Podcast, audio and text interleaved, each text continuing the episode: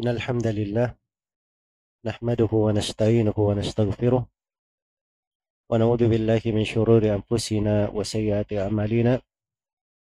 من يهده الله فلا مضل له ومن يضلل فلا هادي له. أشهد أن لا إله إلا الله وحده لا شريك له وأشهد أن محمدا عبده ورسوله. يا أيها الذين آمنوا اتقوا الله حق تقاته ولا تموتن إلا وأنتم مسلمون. يا أيها الناس اتقوا ربكم الذي خلقكم من نفس واحدة وخلق منها زوجها وبث منهما رجالا كثيرا ونساء. واتقوا الله الذي تساءلون به والأرحام. إن الله كان عليكم رقيبا. يا أيها الذين آمنوا اتقوا الله وقولوا قولا سديدا. يصلح لكم أعمالكم ويغفر لكم ذنوبكم ومن يطع الله ورسوله فقد فاز فوزا عظيما. أما بعد فإن أصدق الحديث كتاب الله وخير الهدي هدي محمد صلى الله عليه وسلم وشر الأمور محدثاتها. فإن كل محدثة بدعة وكل بدعة ضلالة. wa kulla dhalalatin finnar.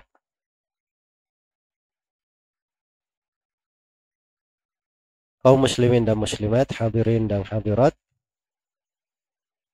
rahimani wa rahimakumullah. Alhamdulillah termasuk karunia dan nikmat Allah Subhanahu wa taala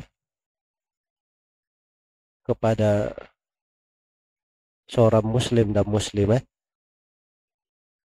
jika dia berada di dalam sebuah amalan yang dicintai dan diridhai oleh Allah Subhanahu wa taala. Dalam sebuah ketaatan apalagi kalau ketaatan itu termasuk hal yang sangat dianjurkan di dalam agama. Maka kita bersyukur kepada Allah Subhanahu wa taala dipertemukan di dalam kajian di pagi hari ini membahas tentang keutamaan ilmu dan bagaimana seorang menyadari tentang pentingnya ilmu agama di dalam kehidupan tentang ibadah yang agung dan besar di dalam ilmu itu sehingga mewarnai seluruh kehidupan kita dan menjadi amalan kita sepanjang kita masih hidup sepanjang seorang masih diberi oleh Allah Subhanahu wa taala hayat dan kesempatan. Di sini ada sejumlah perkara yang penting untuk kita ingatkan terkait dengan tema pembahasan kita menuntut ilmu selama hayat di kandung badan. Yang pertama terkait dengan keutamaan ilmu itu sendiri. Dan yang kedua, bagaimana seorang itu menuntut ilmu hingga kematian datang menjemputnya. Karena para ulama rahimahumullahu taala sebagaimana yang saya akan uraikan sampai di keadaan sakaratul maut pun mereka sangat cinta untuk mendengarkan ilmu, mengulanginya, mendengarkannya. Imam Ahmad rahimahullahu taala di dalam sebagian biografi beliau di nukilan ulama Hanabilah pernah dilihat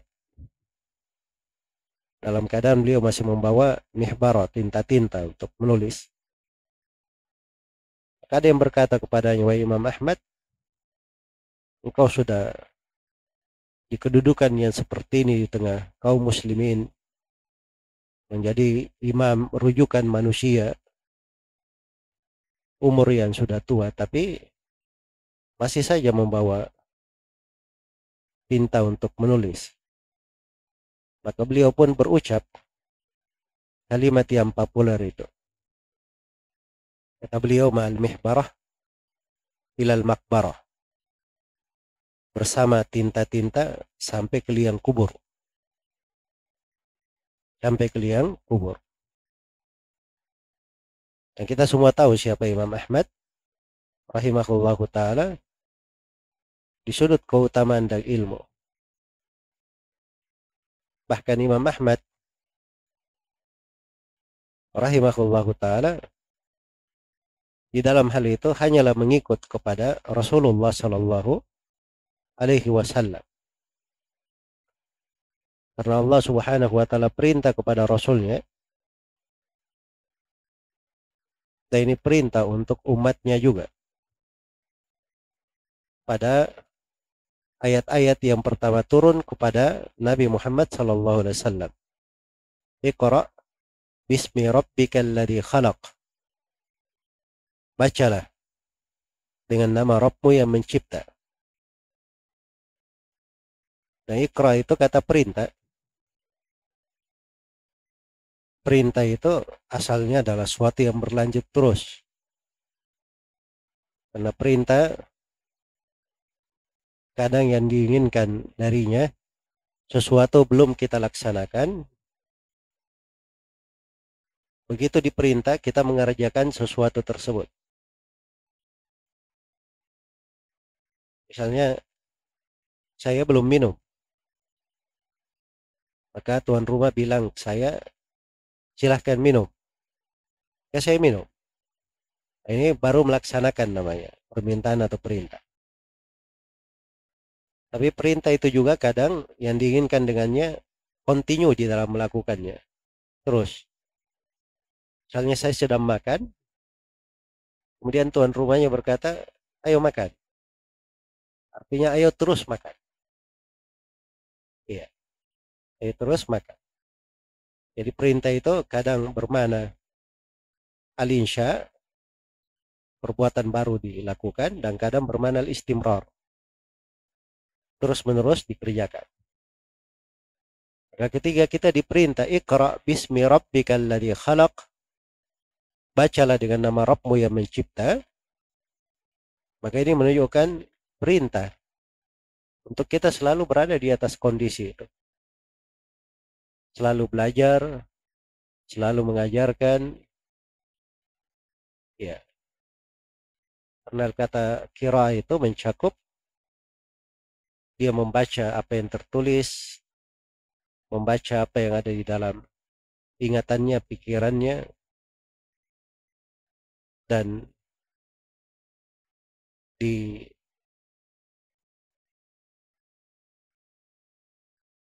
ayat-ayat atau di kelanjutan ayat disebutkan tentang al-qalam. Itu mencakup seluruh penulisan ilmu, seluruh hal yang terkait dengan ilmu. Ini perintah untuk kita selalu belajar dan selalu mengajarkan ilmu, mendakwakannya. Dan ini berlaku sepanjang hidup. Sebagaimana Allah Subhanahu wa taala berfirman kepada nabinya Nabi Muhammad sallallahu alaihi wasallam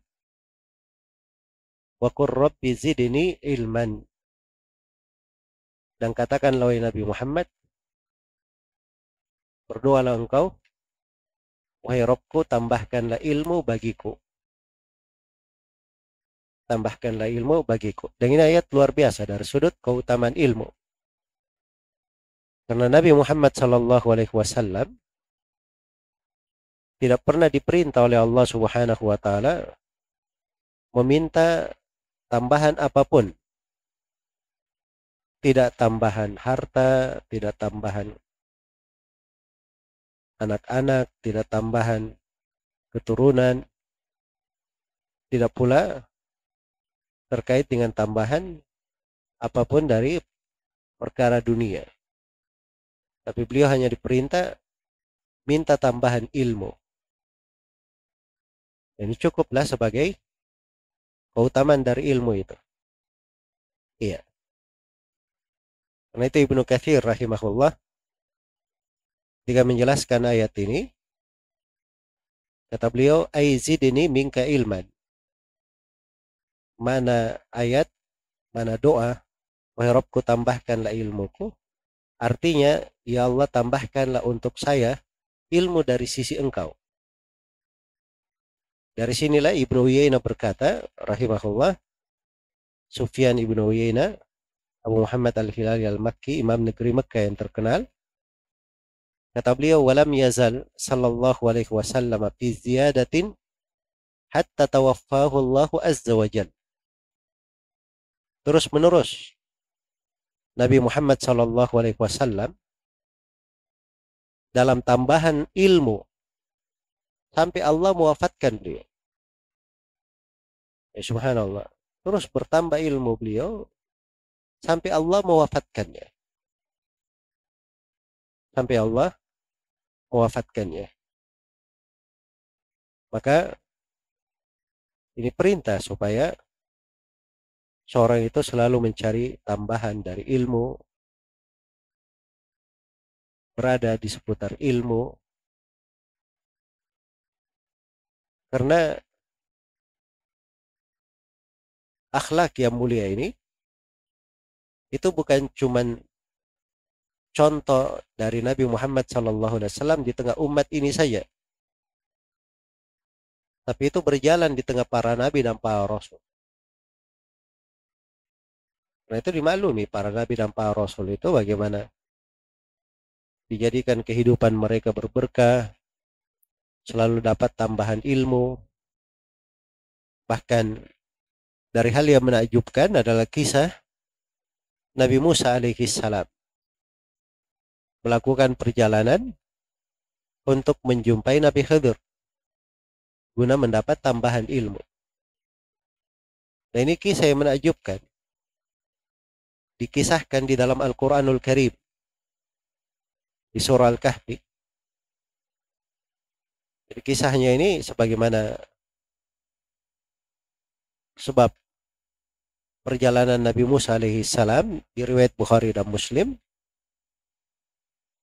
Nabi Wasallam pernah bercerita bahwa Nabi Musa alaihi salam pernah suatu hari berada di tengah tokoh-tokoh dari Bani Israel.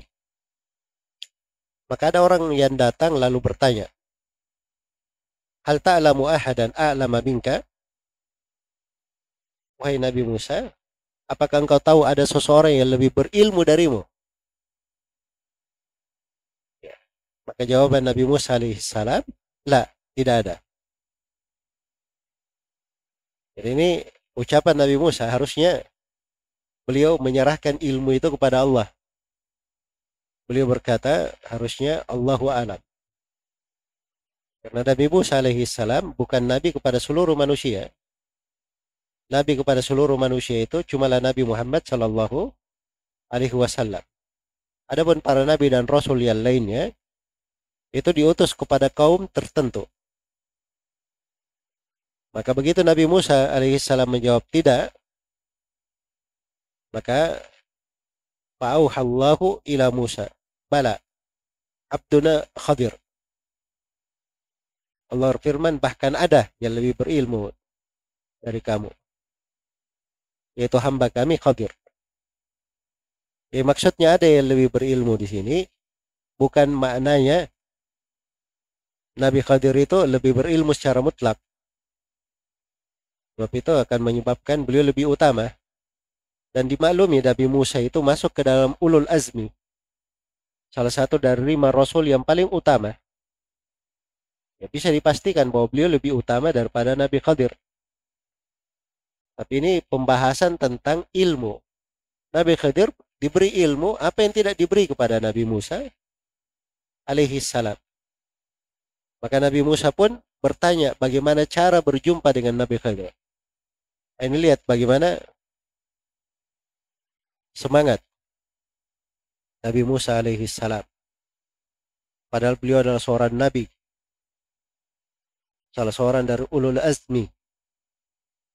Tingkatan yang paling tinggi dari para nabi dan rasul.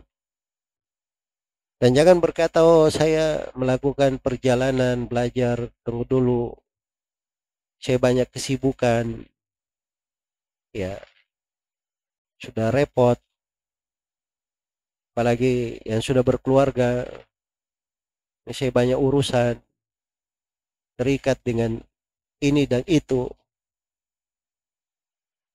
Kadang alasan-alasan kalau kita perbandingkan pada Nabi Musa alaihissalam harusnya kita malu dengan hal tersebut.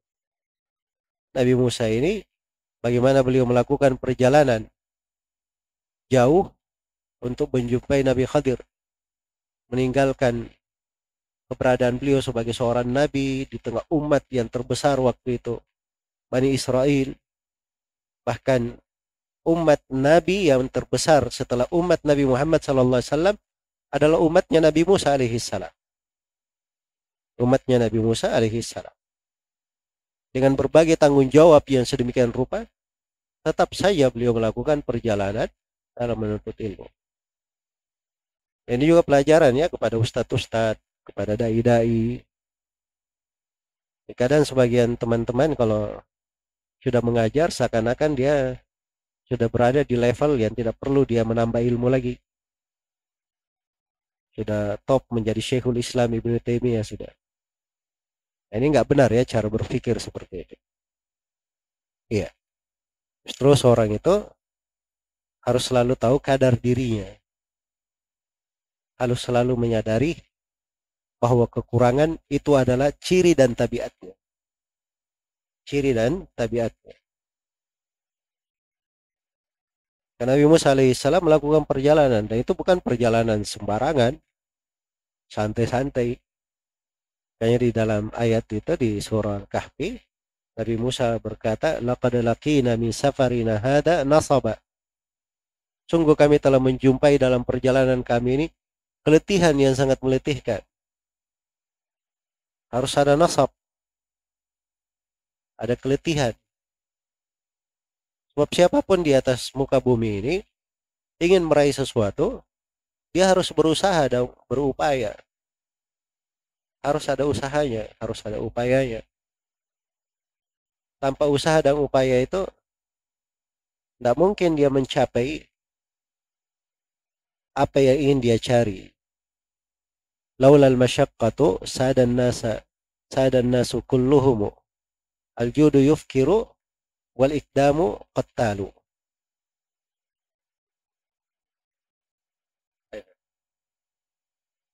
Andai kata bukan karena hal yang memberatkan, maka seluruh manusia sudah menjadi para pemimpin. Sudah menjadi kepala semuanya. Tapi demikianlah dalam hidup itu hal yang besar itu ada tantangannya. Ingin menjadi orang yang dermawan, dan tantangannya dia akan kekurangan.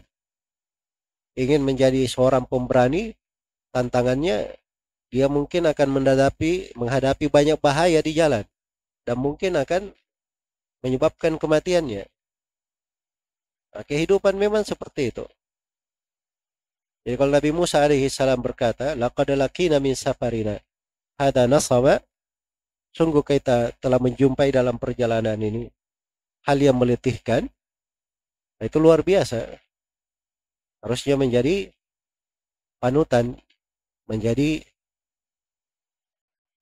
pelajaran untuk kita semua. Bahwa ilmu itu memang ada jalannya. Ada jalannya nah, dari sinilah seorang itu harus mengetahui untuk dia bisa sampai kepada makna ini menuntut ilmu selama hayat di kandung badan. Yang pertama dia harus tahu dulu keutamaan ilmu. Dia belajar tentang fadlul ilm. Supaya dia mengerti kadar dan kedudukan ilmu itu. Dia mengerti nilai dari ilmu agama sebab seorang itu kalau dia tidak kenal nilai sesuatu maka dia tidak perhatian padanya tapi kalau dia kedar kenal nilainya, diagungkan dengan sebenar pengagungan, maka itu akan menyebabkan dia bersemangat di dalam melakukannya. Iya. Ilmu itu dijelaskan tentang keutamaannya di dalam Al-Quranul Karim dengan berbagai penjelasan dengan beraneka ragam keterangan yang sangat menakjubkan sekali. Sebagaimana juga diterangkan oleh Rasulullah Sallallahu Alaihi Wasallam dan ditulis oleh para ulama rahimahumullah taala berjilid-jilid buku tentang keutamaan ilmu. Ribuan dari athar, dari hadith, dari riwayat, dari athar tentang keutamaan belajar dan menuntut ilmu. Poin-poin di dalam keutamaan ilmu itu ratusan poin pembahasan dikaji oleh para ulama. Iya. Sebuah pembahasan ibadah kadang di tengah kita diterangkan ibadah itu. Misalnya wakaf ya. Diterangkan tentang wakaf. Wakaf itu sedikit ayat-ayat dan hadit-haditnya. Tapi luar biasa. Dari sudut keutamaan orang sangat semangat. Karena dianggap bahwa wakaf ini ini kalau dia bisa melakukannya itu kebaikan besar pahalanya mengalir hingga dia meninggal dunia pun tetap mengalir pahalanya. Ada tanahnya dia wakafkan dia bangun masjid padahal ini pembahasan ya dari sudut pendalilannya dan hadit-haditnya itu kalau dibanding dengan keutamaan ilmu, itu nggak ada apa-apanya. Dan ilmu itu sendiri, itu nilainya sama dengan wakaf itu. Bahkan lebih besar manfaat dan kebaikannya. Lebih mudah untuk beranak, mengalir, meluas. Dan aliran pahalanya juga pasti akan lebih besar. Karena hal tersebut. Iya. Tapi subhanallah, kadang banyak di antara manusia tidak memperhatikan hal itu. Sebabnya karena dia kurang di dalam mengenal keutamaan ilmu itu. Dia tidak kenal bahwa ilmu ini menyampaikan ilmu itu adalah tugasnya para nabi dan para rasul. Para nabi dan para rasul itu dipilihkan oleh Allah Subhanahu wa taala pekerjaan yang paling mulia secara mutlak. Tidak ada yang lebih mulia. Tidak ada yang lebih hebat. Dan tidak ada yang lebih baik dari pekerjaannya para nabi dan para rasul. Pekerjaan mereka adalah menyampaikan ar-risalah, menyampaikan ilmu dari Allah Subhanahu wa taala yang menjadi pegangan tuntunan di tengah manusia. Ilmu itu disebut sebagai ruh. Seorang tidak bisa hidup tanpa ruh. Sebab itu roh di dalam kehidupannya. Ilmu itu adalah hal yang menghidupkannya. Ilmu itu adalah cahaya. Ilmu itu adalah harta yang lebih berharga dari seluruh dunia dan isinya. Ilmu itu adalah sultan, adalah kekuasaan. Kekuasaan yang seorang itu tidak perlu melirik kepada berbagai jenis kekuasaan yang diberikan kepada manusia di dunia dari kekuasaan-kekuasaan dunia. Ilmu itu perbandingkan dengan harta dari puluhan sudut perbandingan oleh Ibnul Qayyim tampak bagaimana keutamaannya. Ilmu itu itulah sebab seorang yang mencintai dikumpulkan dengan apa yang dia dikumpulkan dengan siapa yang dia cintai, keturunannya bisa mengejar dari ayah-ayahnya, kakek-kakeknya. Itu semuanya kaitannya dengan ilmu. Jadi kalau kita berbicara tentang rincian keutamaan ilmu, ini pembahasan luas. Tapi bagi siapa yang ingin sampai ke predikat menuntut ilmu selamat hayat, selama hayat di kandung badan, maka dia harus tahu tentang keutamaan ilmu itu. Supaya dia mengenal betapa besar nikmat Allah Subhanahu wa taala pada orang yang mempelajari ilmu tersebut. Kemudian yang kedua, dia juga harus mengenal keutamaan talibul ilm. Para penuntut ilmu. Orang yang belajar. Dimaklumi orang yang belajar itu bertingkat-tingkat di dalam hasilannya pada penghasilan, pencapaiannya. Ada yang mencapai ilmu banyak sekali. Ada yang diberi anugerah oleh Allah berbagai cabang ilmu agama. Ada yang belajar ilmu, Allah hanya mudahkan untuknya beberapa cabang saja. Ada yang menuntut ilmu, dia hanya dimudahkan di dasar-dasarnya saja. Ada yang menuntut ilmu, diberi lebih daripada itu. Ada yang kurang daripada itu anugerah Allah beraneka ragam. Tetapi sepanjang dia talibu ilmu, seorang penuntut ilmu, maka seorang penuntut ilmu itu itu adalah kemuliaan terbesar dalam hidup. Jadi kalau mau cari predikat, orang kan kadang berbangga ya. Kamu kerjanya apa? Ini saya mantan bupati. Karena oh saya mantan direktur ini. Kamu oh saya pernah punya perusahaan begini terus kamu saya pernah begini dan begini ya. tapi jarang kita dengarkan kamu apa saya penuntut ilmu sampai sekarang alhamdulillah masih penuntut ilmu nah, itu sebuah kemuliaan besar pada seseorang. Iya. Tapi jangan bilang oh saya penuntut ilmu. Kapan? Dulu. Dulu saya penuntut ilmu. Bahasa Arabnya kuntu taliba ilm. Kuntu pakai kana lagi. Fail nakis ya. E, dulu. Ini nggak benar ya. Seorang penuntut ilmu itu dia terus belajar dan menjadikan dirinya sebagai talib ilm ya talib ilm nah itu tidak jarang saya dengar dari guru-guru kita ulama-ulama besar seperti Syekh Solal Fauzan Syekh Ahmad dan Najmi ini mufti manusia di berbagai penjuru. Bersamaan dengan itu kadang masih berkata, saya ini cuma tuai lebih ilmu. Penuntut ilmu kecil. Nah, itu saya dengar dari lisan-lisan mereka. Ya. Kadang di sebagian majelis dipuji ya, beliau Syekh Al Fauzan terhadap kehadirannya di sebuah majelis dan seterusnya. Beliau hanya berkata, saya ini sedikit ilmunya, hanya saja kalian orang-orang yang dermawan dan mulia, ridho dengan hal yang sedikit. Ridho dengan hal yang sedikit. Ya maksudnya seorang itu di kondisi apa pun, dia selalu berada atau menganggap dirinya sebagai seorang penuntut ilmu. Nah, kalau dia seorang penuntut ilmu, dia berkata, saya penuntut ilmu, itu selalu dia tekankan pada diri seorang penuntut ilmu, itu pasti akan berpengaruh pada cara berpikirnya, pada gerak-geriknya, pada pergaulannya, pada apa yang dia kerjakan. Penuntut ilmu itu tidak cocok untuk apa namanya hal-hal yang tidak layak untuk seorang penuntut ilmu.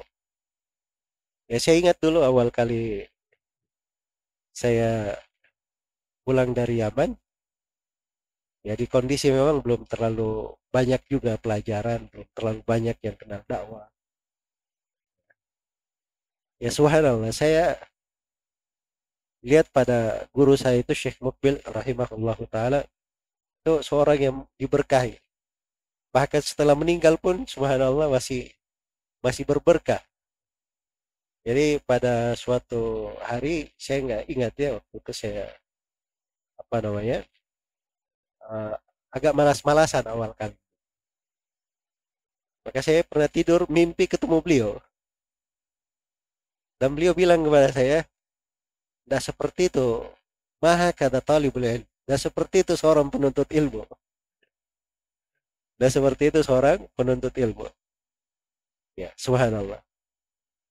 Jadi kadang warna itu kata itu seorang penuntut ilmu itu besar ya. Besar mana ya. Ya kalau kita pahami bahwa itu adalah seorang kita ini seorang penuntut ilmu, itu berpengaruh pada cara berpikir kita. Wadah talim, eh, saya ini penuntut ilmu. Ya, penuntut ilmu. Kalau dia ada di majelis, dia akan simak. Nah, ini penuntut ilmu. Penuntut ilmu itu ada ciri-cirinya. Jangan dia di majelis ilmu, tangannya pegang HP, ya sibuk dengan urusan-urusan tidak ada kaitannya dengan ilmu. Apalagi dia cuma hadir di majelis, ya kerjanya cuma pegang HP, dia urus bisnisnya. Ya, apa yang disampaikan kadang tidak nyambung dengan apa ya kehadirannya di situ. Tapi kalau dihadirkan bahwa dirinya talibul ilm, itu bermanfaat sekali, besar sekali. Iya. Sama dengan pergaulan, dengan akhlak, dia bergaul dengan orang-orang yang baik saja. Kamu ini penuntut ilmu, jaga pergaulannya. Nah, ini makna ini indah sekali. Dan dari situ dia perlu tahu betapa pentingnya seorang itu sebagai penuntut ilmu. Bahwa para penuntut ilmu itu, itulah yang meniti jalannya. Karena itu di dalam hadits yang diriwayatkan oleh Imam Muslim dari Abu Hurairah radhiyallahu taala anhu, Rasulullah Shallallahu Alaihi Wasallam bersabda, "Man salaka tariqan yaltamisu fihi ilma, sahhalallahu lahu bihi tariqan ilal jannah." Barang siapa yang menempuh sebuah jalan, dia mencari ilmu di dalamnya, maka Allah akan memudahkan untuknya jalan menuju pada surga. Dikatakan man salaka tariqan, siapa yang menempuh sebuah jalan.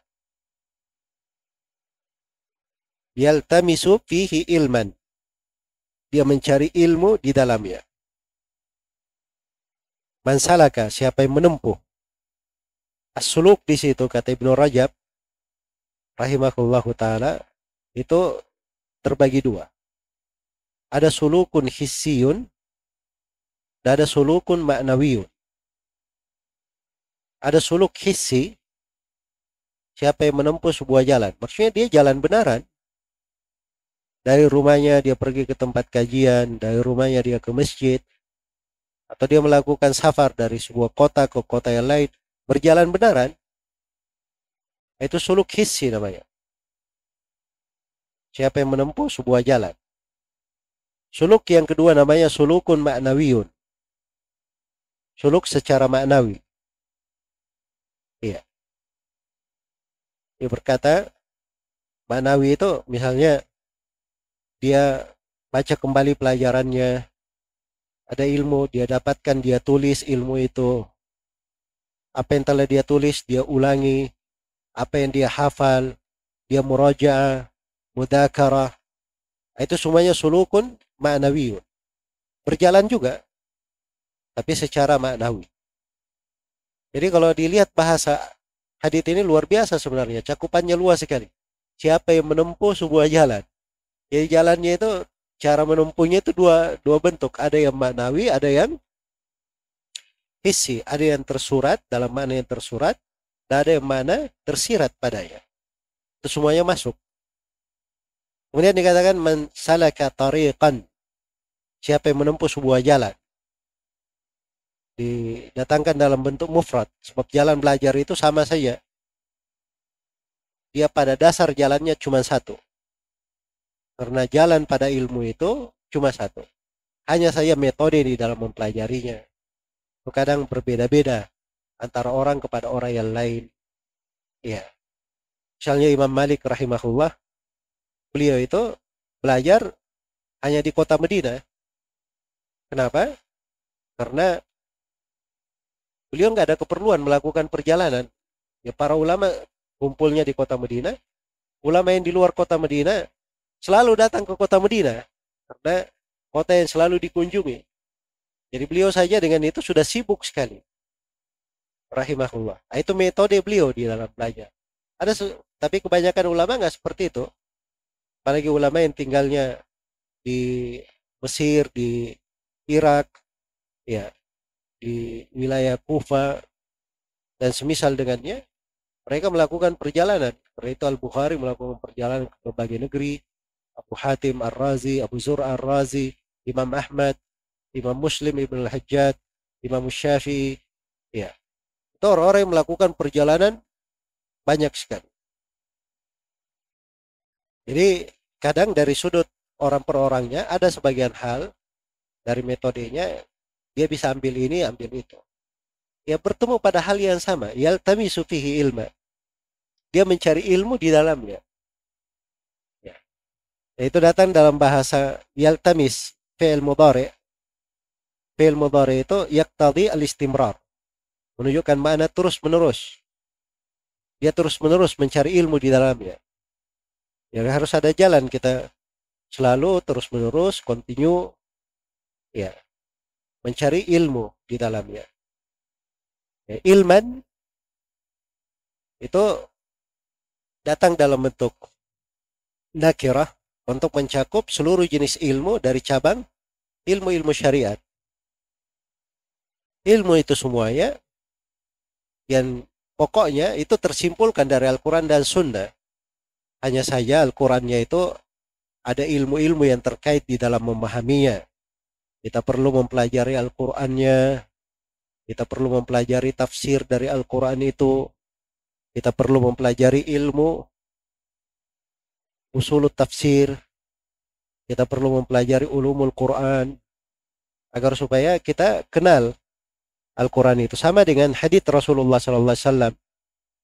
Ada buku-buku haditsnya dengan berbagai uh, bentuk periwayatan, ada dalam bentuk kutubus sunan tentang sunan, ada buku-buku terkait dengan musnad, masanid, ada buku-buku ma'ajim, Iya. Dan ada juga dari riwayat-riwayat terkait dengan ajza, juzu, risalah-risalah kecil. Nah, ini dalam buku haditnya sendiri. Untuk memahami hadit itu ada namanya ilmu usulul hadit. Disebut juga dengan ilmu mustalahil hadit. Itu perlu kita pelajari di dalam hal tersebut. Jadi ilmu itu banyak. Al-Quran dan Sunnah itu bahasa Arab. Kita harus pelajari bahasanya. Dari Al-Quran dan As-Sunnah itu, bahasa Arab itu sendiri, itu lebih dari 10 cabang. Bahasa Arab itu sendiri. Lebih dari 10 cabang. Ada ilmu nahwunya, ada ilmu sorofnya, ada ilmu balagahnya, ada ilmu imlanya, ada ilmu al-kawafi wal arut.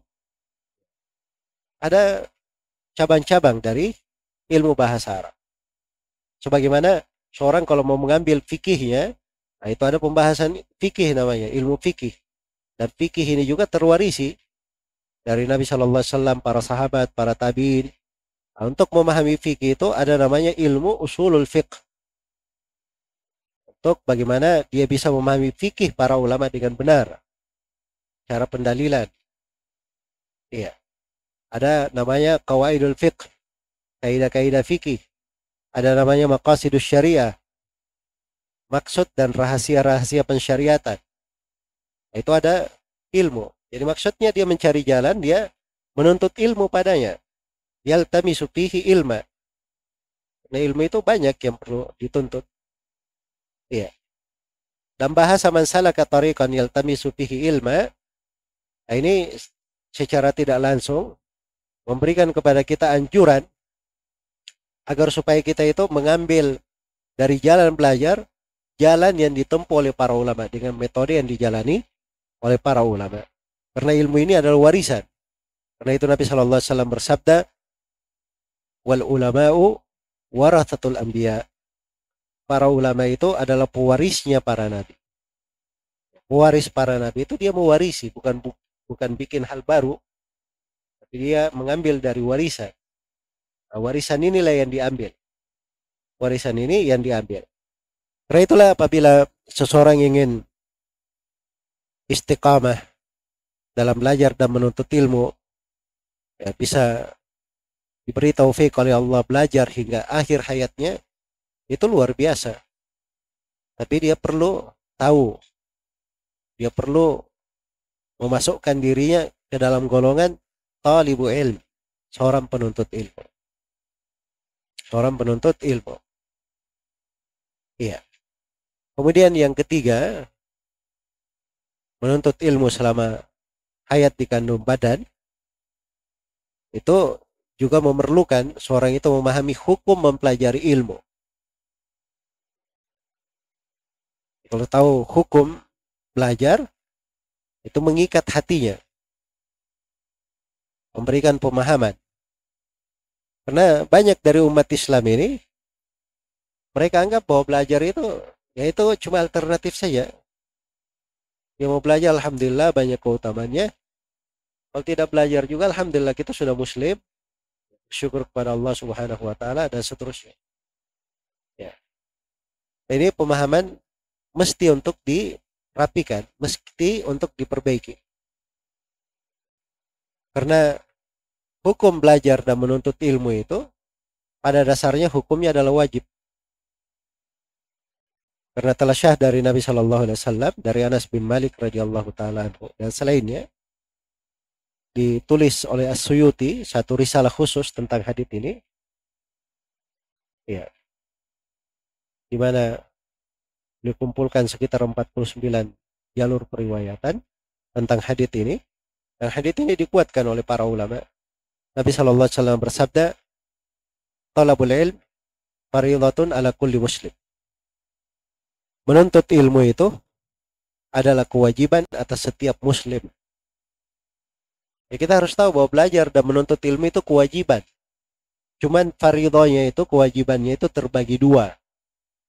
Ada fardu ain dan ada fardu kifayah.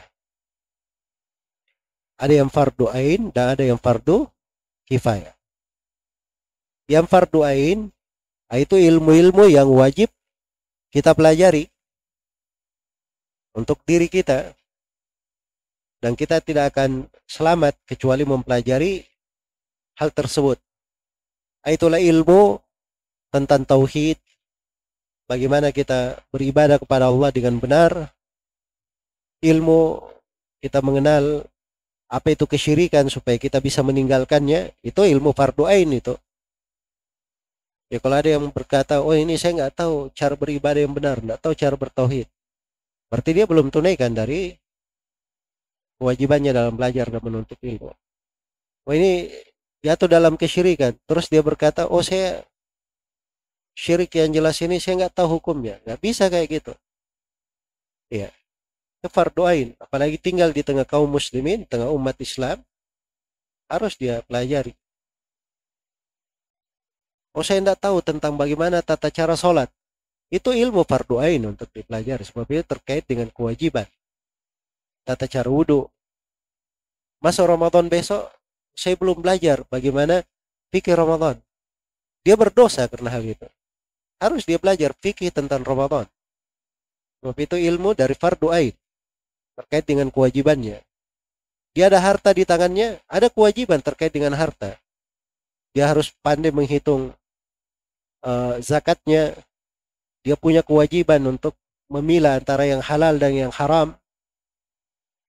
Kalau dia berbisnis, dia harus tahu hukum tentang riba. Jangan sampai dia berbisnis dengan orang dengan metode riba, walasannya oh saya nggak tahu itu riba. Nggak bisa kayak gitu.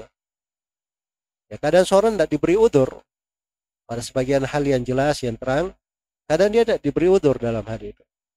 Apalagi dia mampu untuk belajar. Maka ada ilmu-ilmu yang sifatnya itu fardu aid sifatnya kewajiban aid atas seseorang untuk mempelajarinya. Iya. Demikian pula seorang itu perlu ilmu bagaimana dia di sakaratul maut dia bisa bersyahadat. Itu kan dia perlu belajar apa mana la ilaha illallah Muhammad Rasulullah. Dia paham konsekuensinya. Supaya bisa dia ucapkan di sakaratul maut. Ada pertanyaan tiga ada pertanyaan dua malaikat di alam kubur, tiga pertanyaan. Marabbuka, siapa Rob yang kau ibadahi? Siapa nabimu? Apa agamamu? Itu harus dia pelajari. Sebab tidak mungkin kita di alam kubur ditanya oleh Jibril, Marabbuka? Oh afwan Jibril, kemarin saya belum sempat belajar. Gak ada ceritanya seperti itu. Bahkan ada yang disiksa di kubur itu, di dalam sebuah riwayat, dia berkata, ha ha la adri sami'tun nasa yakuluna syai'an fakultuhu. Dia berkata, ha ha saya tidak tahu. Saya hanya mendengar manusia berucap seperti itu, saya ikut-ikutan. Ini pernah dengar, cuma ikut-ikutan ini. Tidak bermanfaat di kuburan, tidak bisa dijawab. Karena dia tidak belajar. Dia tidak belajar. Dan tentunya belajar itu bukan menghafal ya, kita tidak mempersulit. Orang belajar, dia pernah dengarkan ayat-ayatnya, dia pernah dengar ilmunya, itu sudah belajar namanya. Kalau menghafal itu kadar tambahan. Dan mesti dia hafal. Tapi dia pernah pelajari. Kalau dia pernah pelajari, Masya Allah. Itu artinya diangkat kewajibannya. Fardu ainnya. Ada pertanyaan Allah di hari kiamat. Seluruh makhluk akan ditanya.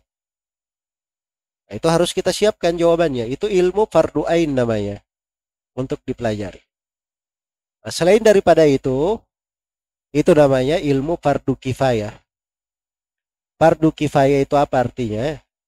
Kalau sudah ada sebagian dari umat Islam yang mempelajarinya, atau sudah ada sebagian orang di sebuah wilayah, sebuah kota mempelajarinya, maka gugur kewajiban atas yang lainnya. Ya, dan ini saya nggak tahu ya kita gugur kewajiban atau tidak.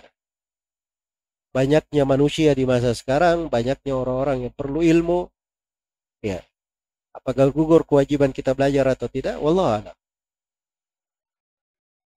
orang jangan berbaik sangka mungkin sudah gugur sudah banyak yang belajar sudah banyak ustadz ustadz. Itu terlalu berbaik sangka itu. Tapi seorang itu harus diingat yang fardu yang fardu kifayah saya belajar di situ dari ilmu-ilmu yang fardu kifayah itu lebih baik daripada dia sholat malam satu sholat malam satu malam penuh. Dia rajin sholat dia rajin puasa sunnah sholat sholat sunnah Sebab ilmu itu lebih utama dari nawafil al-ibadat. Ilmu agama itu lebih utama dari ilmu-ilmu nafilah. Ilmu-ilmu yang disunnahkan. Nah, kalau kita tahu hukum mempelajari ilmu ini, maka itu ikatan di hati. Bagaimana kita ingin terus terikat dengan ilmu, menambah ilmu, belajar, ya dan seterusnya. Baik. Maka nampak dari sini bahwa ilmu itu ibadah. Ilmu itu adalah ibadah. Ya ada yang jangan ada yang berkata ibadah itu oh saya memperbanyak sedekah saya, saya punya banyak harta saya bersedekah. Ibadah saya cuma sedekah. Jangan menganggap bahwa ibadah itu cuma puasa sunnah. Cuma sholat saja. Harus kita pahami bahwa ilmu itu ibadah dan dia adalah ibadah yang paling afdal. Karena itu kata Imam Az-Zuhri rahimahullah taala, "Ma ubidallahu bi syai'in afdal min al-ilm." Tidaklah Allah Subhanahu wa taala diibadahi dengan sesuatu yang lebih utama daripada ilmu. Lebih utama daripada ilmu. Iya. Dengan itulah seorang bisa beribadah pada Allah Subhanahu wa taala. Maka kalau dia tahu ilmu itu adalah ibadah, wah itu indah sekali. Ya. Kita duduk seperti ini misalnya hadir majelis ilmu, kita dalam ibadah. Dalam ibadah. Sampai ada yang pernah salah sangka. Jadi subhanallah Imam Ahmad itu pernah menjabu Imam Syafi'i. Ya, menjamu Imam Syafi'i anak Imam Ahmad melihat Imam Syafi'i di malam hari, lenteranya tidak menyala, maksudnya tidak berdiri untuk sholat malam. Ya, tidak berdiri untuk sholat malam. Maka dia kritik akan hal tersebut. Kemudian begitu sholat subuh tidak berudu. Ya. Maka dia tanyakan kepada Imam Ahmad. Imam Ahmad berkata bahwa itu Imam Syafi'i di kondisi yang seperti itu mungkin dia di malam hari dia sedang mengingat suatu masalah.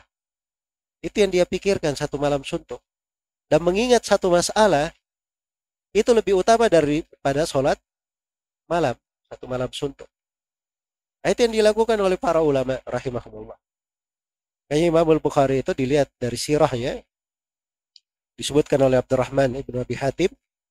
Beliau dalam satu malam itu kadang bisa bangun berkali-kali. 15 kali 20 kali bangun nulis bangun nulis tidur lagi. Dia nyalakan lampu nulis tidur lagi. Ya, bangun. Iya. Itu orang-orang yang ada kesibukan dengan menulis menghafal. Kalau kita ini terlalu banyak santainya ya. Bangun kemudian tidur di akhir waktu.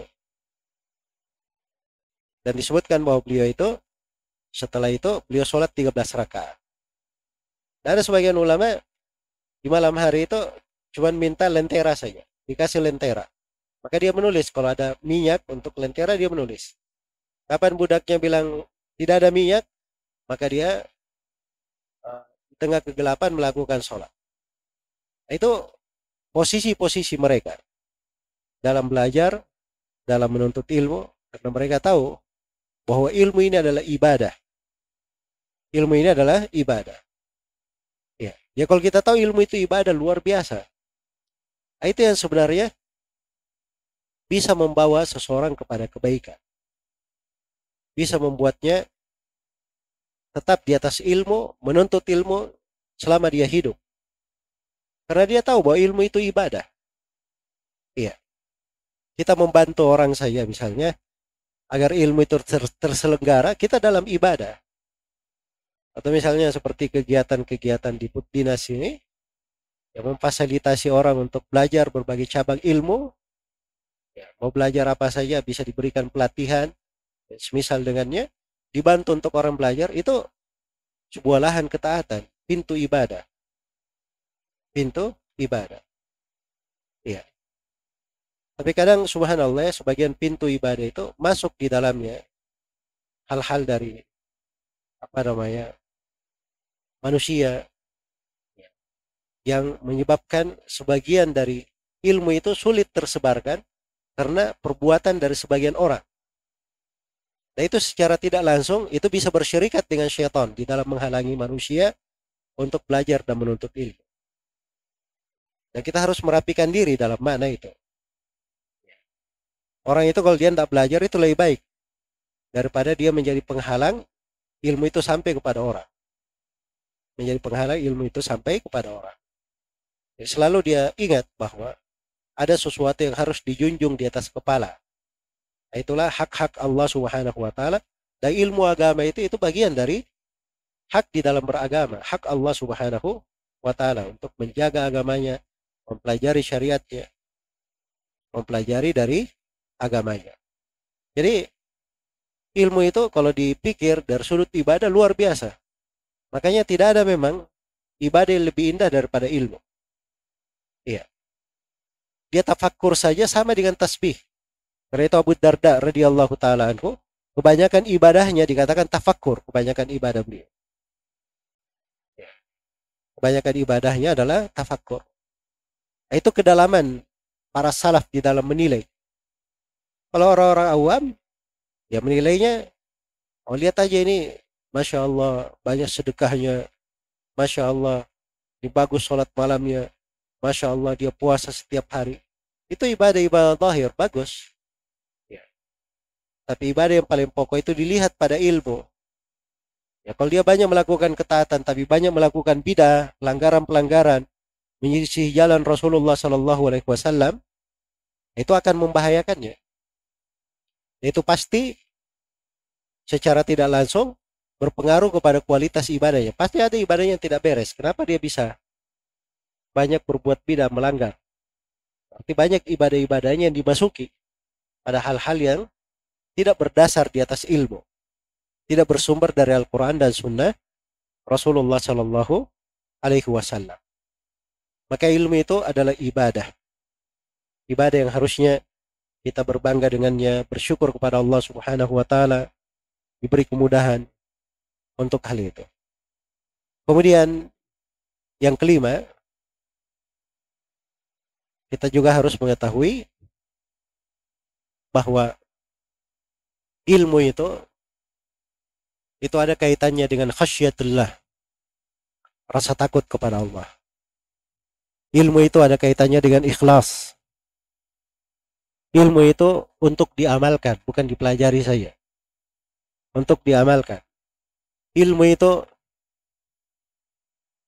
adalah akhlak dan adab bagaimana dia terapkan di dalam kehidupannya ilmu itu bagaimana dia mengikuti sunnah Rasulullah Sallallahu Alaihi Wasallam. Nah ini poin-poin ini, ini semuanya adalah bentuk dari pengamalan ilmu, keterkaitan dengan ilmu.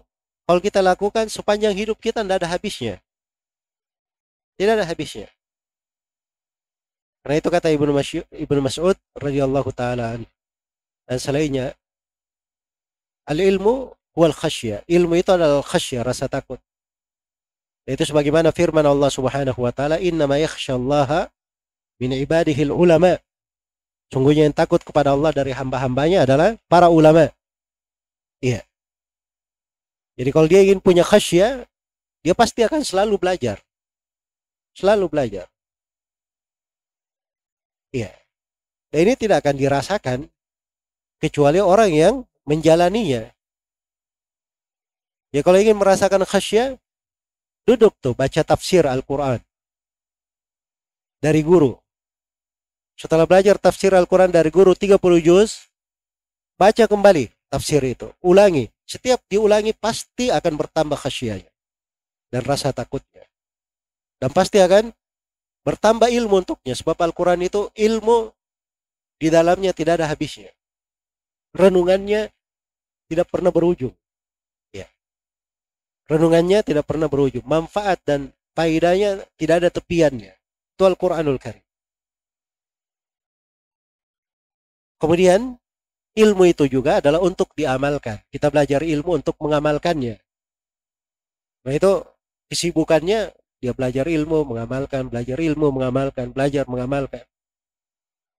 Dan ilmu itu adalah keikhlasan. Selalu dia jaga ikhlasnya.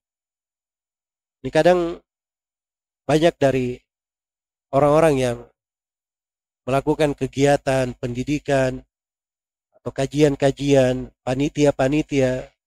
Bagus kegiatannya. Tapi kalau dia jujur periksa keikhlasan, mungkin banyak hal yang harus ditata dan dibenahi. Keikhlasan ini, kalau kita tidak perbaiki, rumit pada diri kita mengurangi keberkahan amalan, menjatuhkan kita dalam banyak kesalahan, membuat syaitan gampang mendekati kita. Nah, kita harus jaga dari keikhlasan itu. Dan ilmu itu tidak mau dituntut kecuali dengan ikhlas. Ya, ilmu yang bermanfaat. Ada orang-orang yang dapat ilmu banyak sekali, tapi karena tidak ada ikhlasnya, ilmunya jadi tidak bermanfaat. Jadi kadang membawa bahaya untuk dia. Membawa bahaya untuk dia. Iya. Iblis itu dia tahu Allah yang diibadahi. Makanya dia panggil dengan nama Rob. Tapi tidak ada manfaatnya ketika dia ada kesombongan, tidak ada keikhlasan. Makanya orang-orang yang ikhlas itu, itulah yang tidak bisa diganggu oleh iblis. Ya. ya iblis itu kan bersumpah, "Laughiyannahum ajma'in illa ibadaka minhumul mukhlasin." Sungguh aku akan sesatkan mereka semuanya. Kecuali hamba-hamba engkau yang ikhlas. Hamba yang ikhlas. Nah, inilah dalam belajar itu seorang bagaimana dia menjadi penuntut ilmu. Berusaha menjadi orang yang ikhlas. Dia memang hidup untuk ikhlas kepada Allah Subhanahu wa taala. Makanya para ulama itu subhanallah ya. Imam Syafi'i itu setelah buku-bukunya tersebar, murid-muridnya sangat banyak sekali, Beliau pernah berkata, saya itu sangat berharap ilmu itu tidak dinisbatkan kepada saya. Maksudnya biarkan saja saya sampaikan ilmu. Tapi tidak usah bilang ini Imam Syafi'i berkata begini, Imam Syafi'i berkata. Biarkan saya ikhlas, tapi ilmu saya sampai kepada kalian semua. Itu untuk menjaga keikhlasan. Berat beliau menghadapi, merasakan seperti itu. Ketika sampai kepada Imam Malik berita bahwa wah Imam Malik ada Ibnu Abi Dhib menulis muwatta lebih besar dari muwatta kamu. Lebih banyak. Kata Imam Malik rahimahullah, maka lillahi baki. Sesuatu itu kalau dilakukan karena Allah, dia pasti akan kekal. Itu keyakinannya Imam Malik. Dan subhanallah, hari ini orang-orang tidak ada yang mengenal muwatta kecuali muwatta Imam Malik saja. Padahal banyak menulis muwatta di masa Imam Malik. Saya perhatikan dari keikhlasan itu. Maka lillahi baki. Dan dari hal yang saya sangat menakjubkan ya, saya lihat dari guru-guru kita itu dari keikhlasan luar biasa. Kalau di waktu mengajar, pasti mereka berikan waktunya sepenuhnya mengajar. Padahal mereka di dalam mengajar di situ tidak ada gaji dari pemerintah, bukan dari kerjaan mereka. Tapi mereka mengajar memang itu adalah kewajiban pada ilmu. Itu kita lihat di majelis guru-guru kita. Ya. Dan kadang sebagian guru itu, subhanallah, seperti Syekh Ahmad An-Najmi, itu di setiap waktu sholat ada saja datang belajar. Malah pernah beliau didatangi tamu dari luar negeri, baca beberapa hari setiap waktu sholat sampai beliau pingsan di kamar mandi. Ya. Lalu dirawat di ruang ICU. Ini karena semangat beliau rahimahullah taala untuk mengajarkan ilmu. Kalau bukan ikhlas nggak tahu saya apa namanya itu. Dan hal yang lebih menakjubkan dari itu saya lihat dari guru saya, Syekh Mukbil rahimahullah. Kadang beliau mengajar ya rahimahullah dan ada darah yang keluar dari hidungnya dia apa seakan-akan tidak ada masalah. Bersamaan dengan itu, di, saya baca di sebagian buku biografi yang ditulis oleh istri beliau, di akhir hayatnya itu Syekh Mukbil berkata, anak qalilul ikhlas. Saya sedikit ikhlasnya.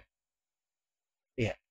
Ini orang yang seperti ini, bahasa ikhlas itu, subhanallah, nampak sekali padanya. Tapi orang-orang yang ikhlas itu seperti itu penilaian terhadap dirinya.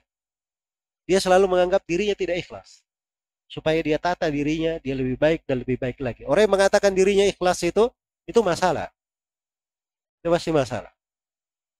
Tapi dia selalu introspeksi diri, memperbaiki diri. Ilmu itu ada kaitannya dengan ikhlas. Makanya keikhlasan ini kalau dijaga itu menjadi sepanjang hayatnya. Keikhlasan itu tampak di dalam asidik, kejujuran. Iya ilmu itu ada kaitannya dengan ittiba'us sunnah, mengikuti sunnah. Bagaimana dia mengamalkan sunnah Nabi, menjalankannya, menerapkannya dari ilmu yang dia pelajari, dia hidupkan sunnah di tengah manusia. Ilmu itu adab. Dia belajar dari adab, dari akhlak. Iya. Dari akhlak. Nah ini sekarang subhanallah banyak penuntut ilmu yang menganggap dirinya penuntut ilmu ya. Ya. Panitia-panitia kajian, sekolah-sekolah, pendidikan-pendidikan, tapi tidak ada adab sama sekali. Pada guru-guru tidak ada adab kepada para pengajar. Nah ini dari uh, PR yang harus diperbaiki, dibenahi. Sebab sesuatu itu kalau dimasuki oleh dunia, mengurangi dari keikhlasan, pasti berpengaruh pada akhlak dan pembawaan. Pada akhlak dan pembawaan. Harusnya pada hal yang terkait dengan pendidikan ilmu, orang yang menyampaikan ilmu, para guru itu dihormati. Itu penyandang ilmu namanya. Ada adab dan akhlak terkait dengan para penyandang ilmu.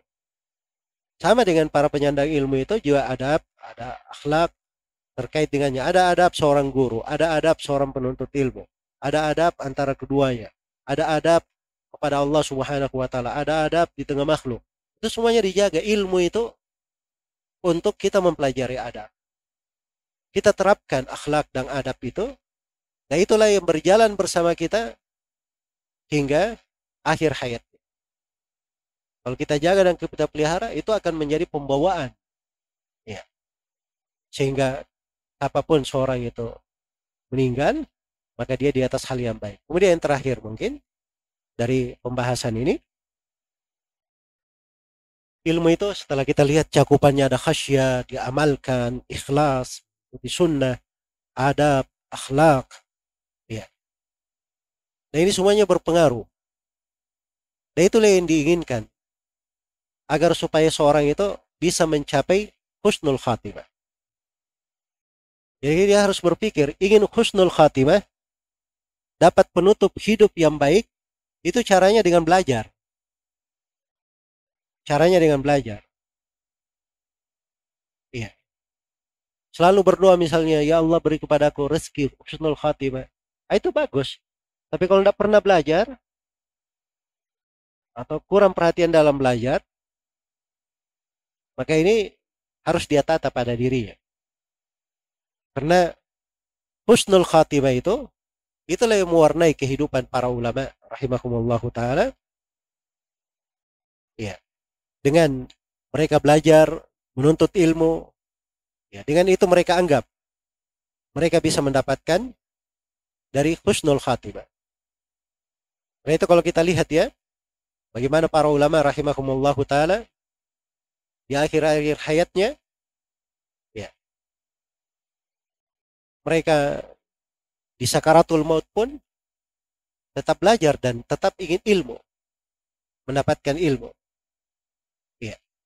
Karena itu pernah datang seorang kepada Abu Yusuf Al-Qadhi rahimahullahu taala murid Abu Hanifah. Iya. Di biografi Ibrahim bin Jarrah Tamimi, di muridnya Abu Yusuf ya. Jadi beliau katakan saya datangi Abu Yusuf, saya dapati beliau sedang pingsan. Orang sudah sakaratul maut. Sedang pingsan. Begitu beliau sadar, maka Abu Yusuf langsung bertanya, Wahai Ibrahim, yang mana yang lebih afdal? Ketika melempar jamarat. Ini pertanyaan fikih di musim haji. Yang mana yang lebih afdal ketika melempar jamarat? Seorang itu melempar dalam keadaan berkendaraan atau dia melempar dalam keadaan berjalan kaki? Kata Ibrahim Al Ibrahim bin Jarrah ini, maka saya menjawab melempar dengan berkendaraan lebih afdal. Kata Bu Yusuf, tidak, kamu salah. Terus kata Ibrahim, kalau begitu, melempar dengan berjalan kaki lebih afdal. Kata Bu Yusuf, kamu juga salah. Terus kata Ibrahim, kalau kita apa yang benar? Semoga Allah meridhoimu. Wahai Abu Yusuf. Kata Bu Yusuf, kalau dilemparan yang pertama dan kedua, afdolnya berjalan kaki. Sebab memang di situ kita ingin berhenti untuk berdoa. Tapi kalau di lemparan yang ketiga, afdolnya berkendaraan. Sebab sisa melempar langsung jalan. Sisa melempar langsung jalan.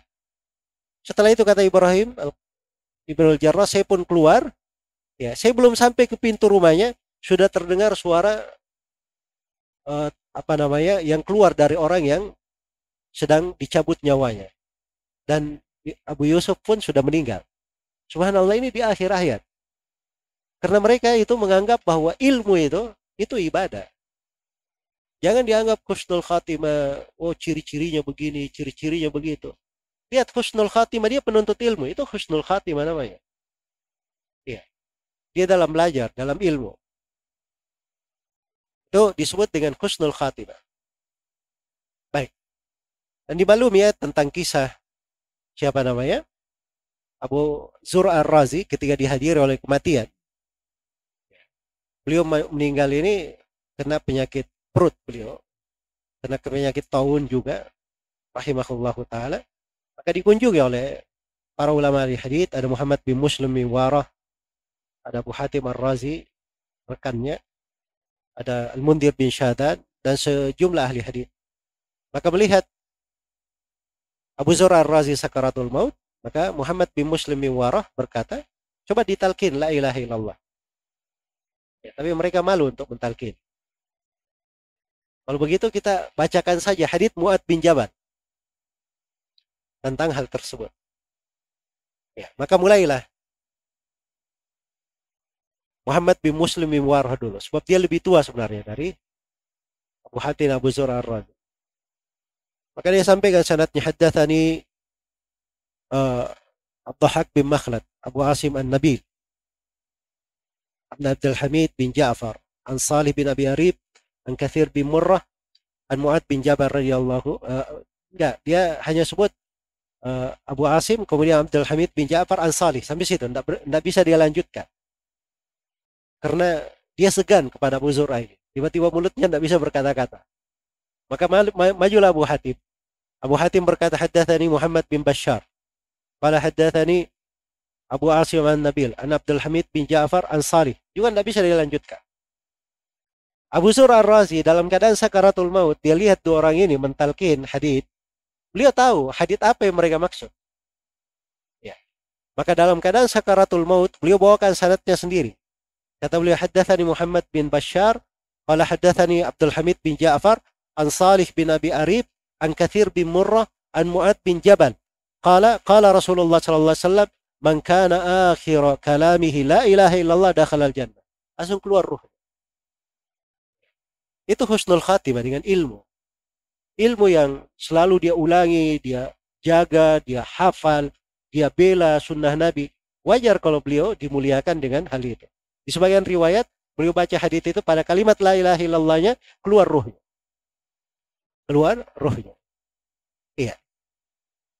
Baik. Dan itu juga terjadi pada Abu Hatim Ar-Razi rahimahullahu taala. Jadi anaknya itu bercerita di muqaddimah di takdim al-jarh wa ta'dil katanya saya hadiri ayahku dan dia sedang sakaratul maut. Ya. Dan waktu itu saya nggak tahu bahwa saya sedang sakit namanya datang tiba-tiba. Maka saya tanya kepada ayahku, Abu Hatim ini saking anaknya ini Abdurrahman ini ini luar biasa ya seorang penuntut ilmu hebat juga. Dia menulis kitab Al-Jarh wa Ta'dil berbagi buku itu hasil tanya jawab antara beliau dengan ayahnya dan Abu Zura Ar-Razi. Ini ayahnya dalam keadaan sakaratul maut masih dia tanya tentang rawi.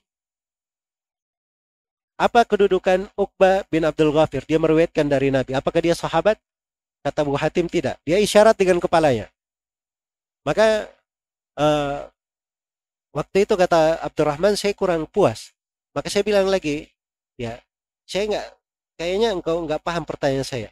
Apakah dia sahabat? Abu Hatim berucap enggak dia seorang tabiin. Dia seorang tabiin. Akhirnya di kondisi dia sedang sakaratul maut masih menjawab. Sebab mereka anggap itu ibadah. Mereka anggap itu ibadah dan kisah yang seperti ini banyak di tengah para ulama salaf rahimahumullahu taala. Ya dan disebutkan dari Syekhul Islam Ibnu Taimiyah rahimahullah. Beliau di penjara beliau yang terakhir dan beliau meninggal di situ. Beliau sudah menghatamkan Al-Qur'an 69 kali. Di khatam yang ke-70 begitu sampai kepada firman Allah di akhir surah Al-Qamar, "Innal muttaqina fi jannati wa nahar fi maq'adi sidqin inda malikin muqtadir." Beliau meninggal di ayat itu. Itu disebutkan oleh Ibnu Katsir rahimahullahu taala biografinya beliau di Al-Bidayah wa. Jadi ini hal-hal harus dipahami bahwa husnul khatimah itu banyak bentuknya.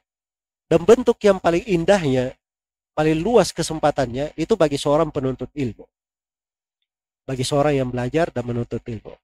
Semoga Allah Subhanahu wa taala menganugerahkan kepada kita semua ilmu yang bermanfaat dan menjadikan kita semua sebagai para penuntut ilmu dan menjadikan kehidupan kita semua dengan ilmu, mewafatkan kita dengan ilmu, dan memuliakan kita semua dengan ilmu di sakaratul maut, di alam kubur, dan di akhirat kelak ketika kita menghadap kepada Allah Subhanahu wa taala.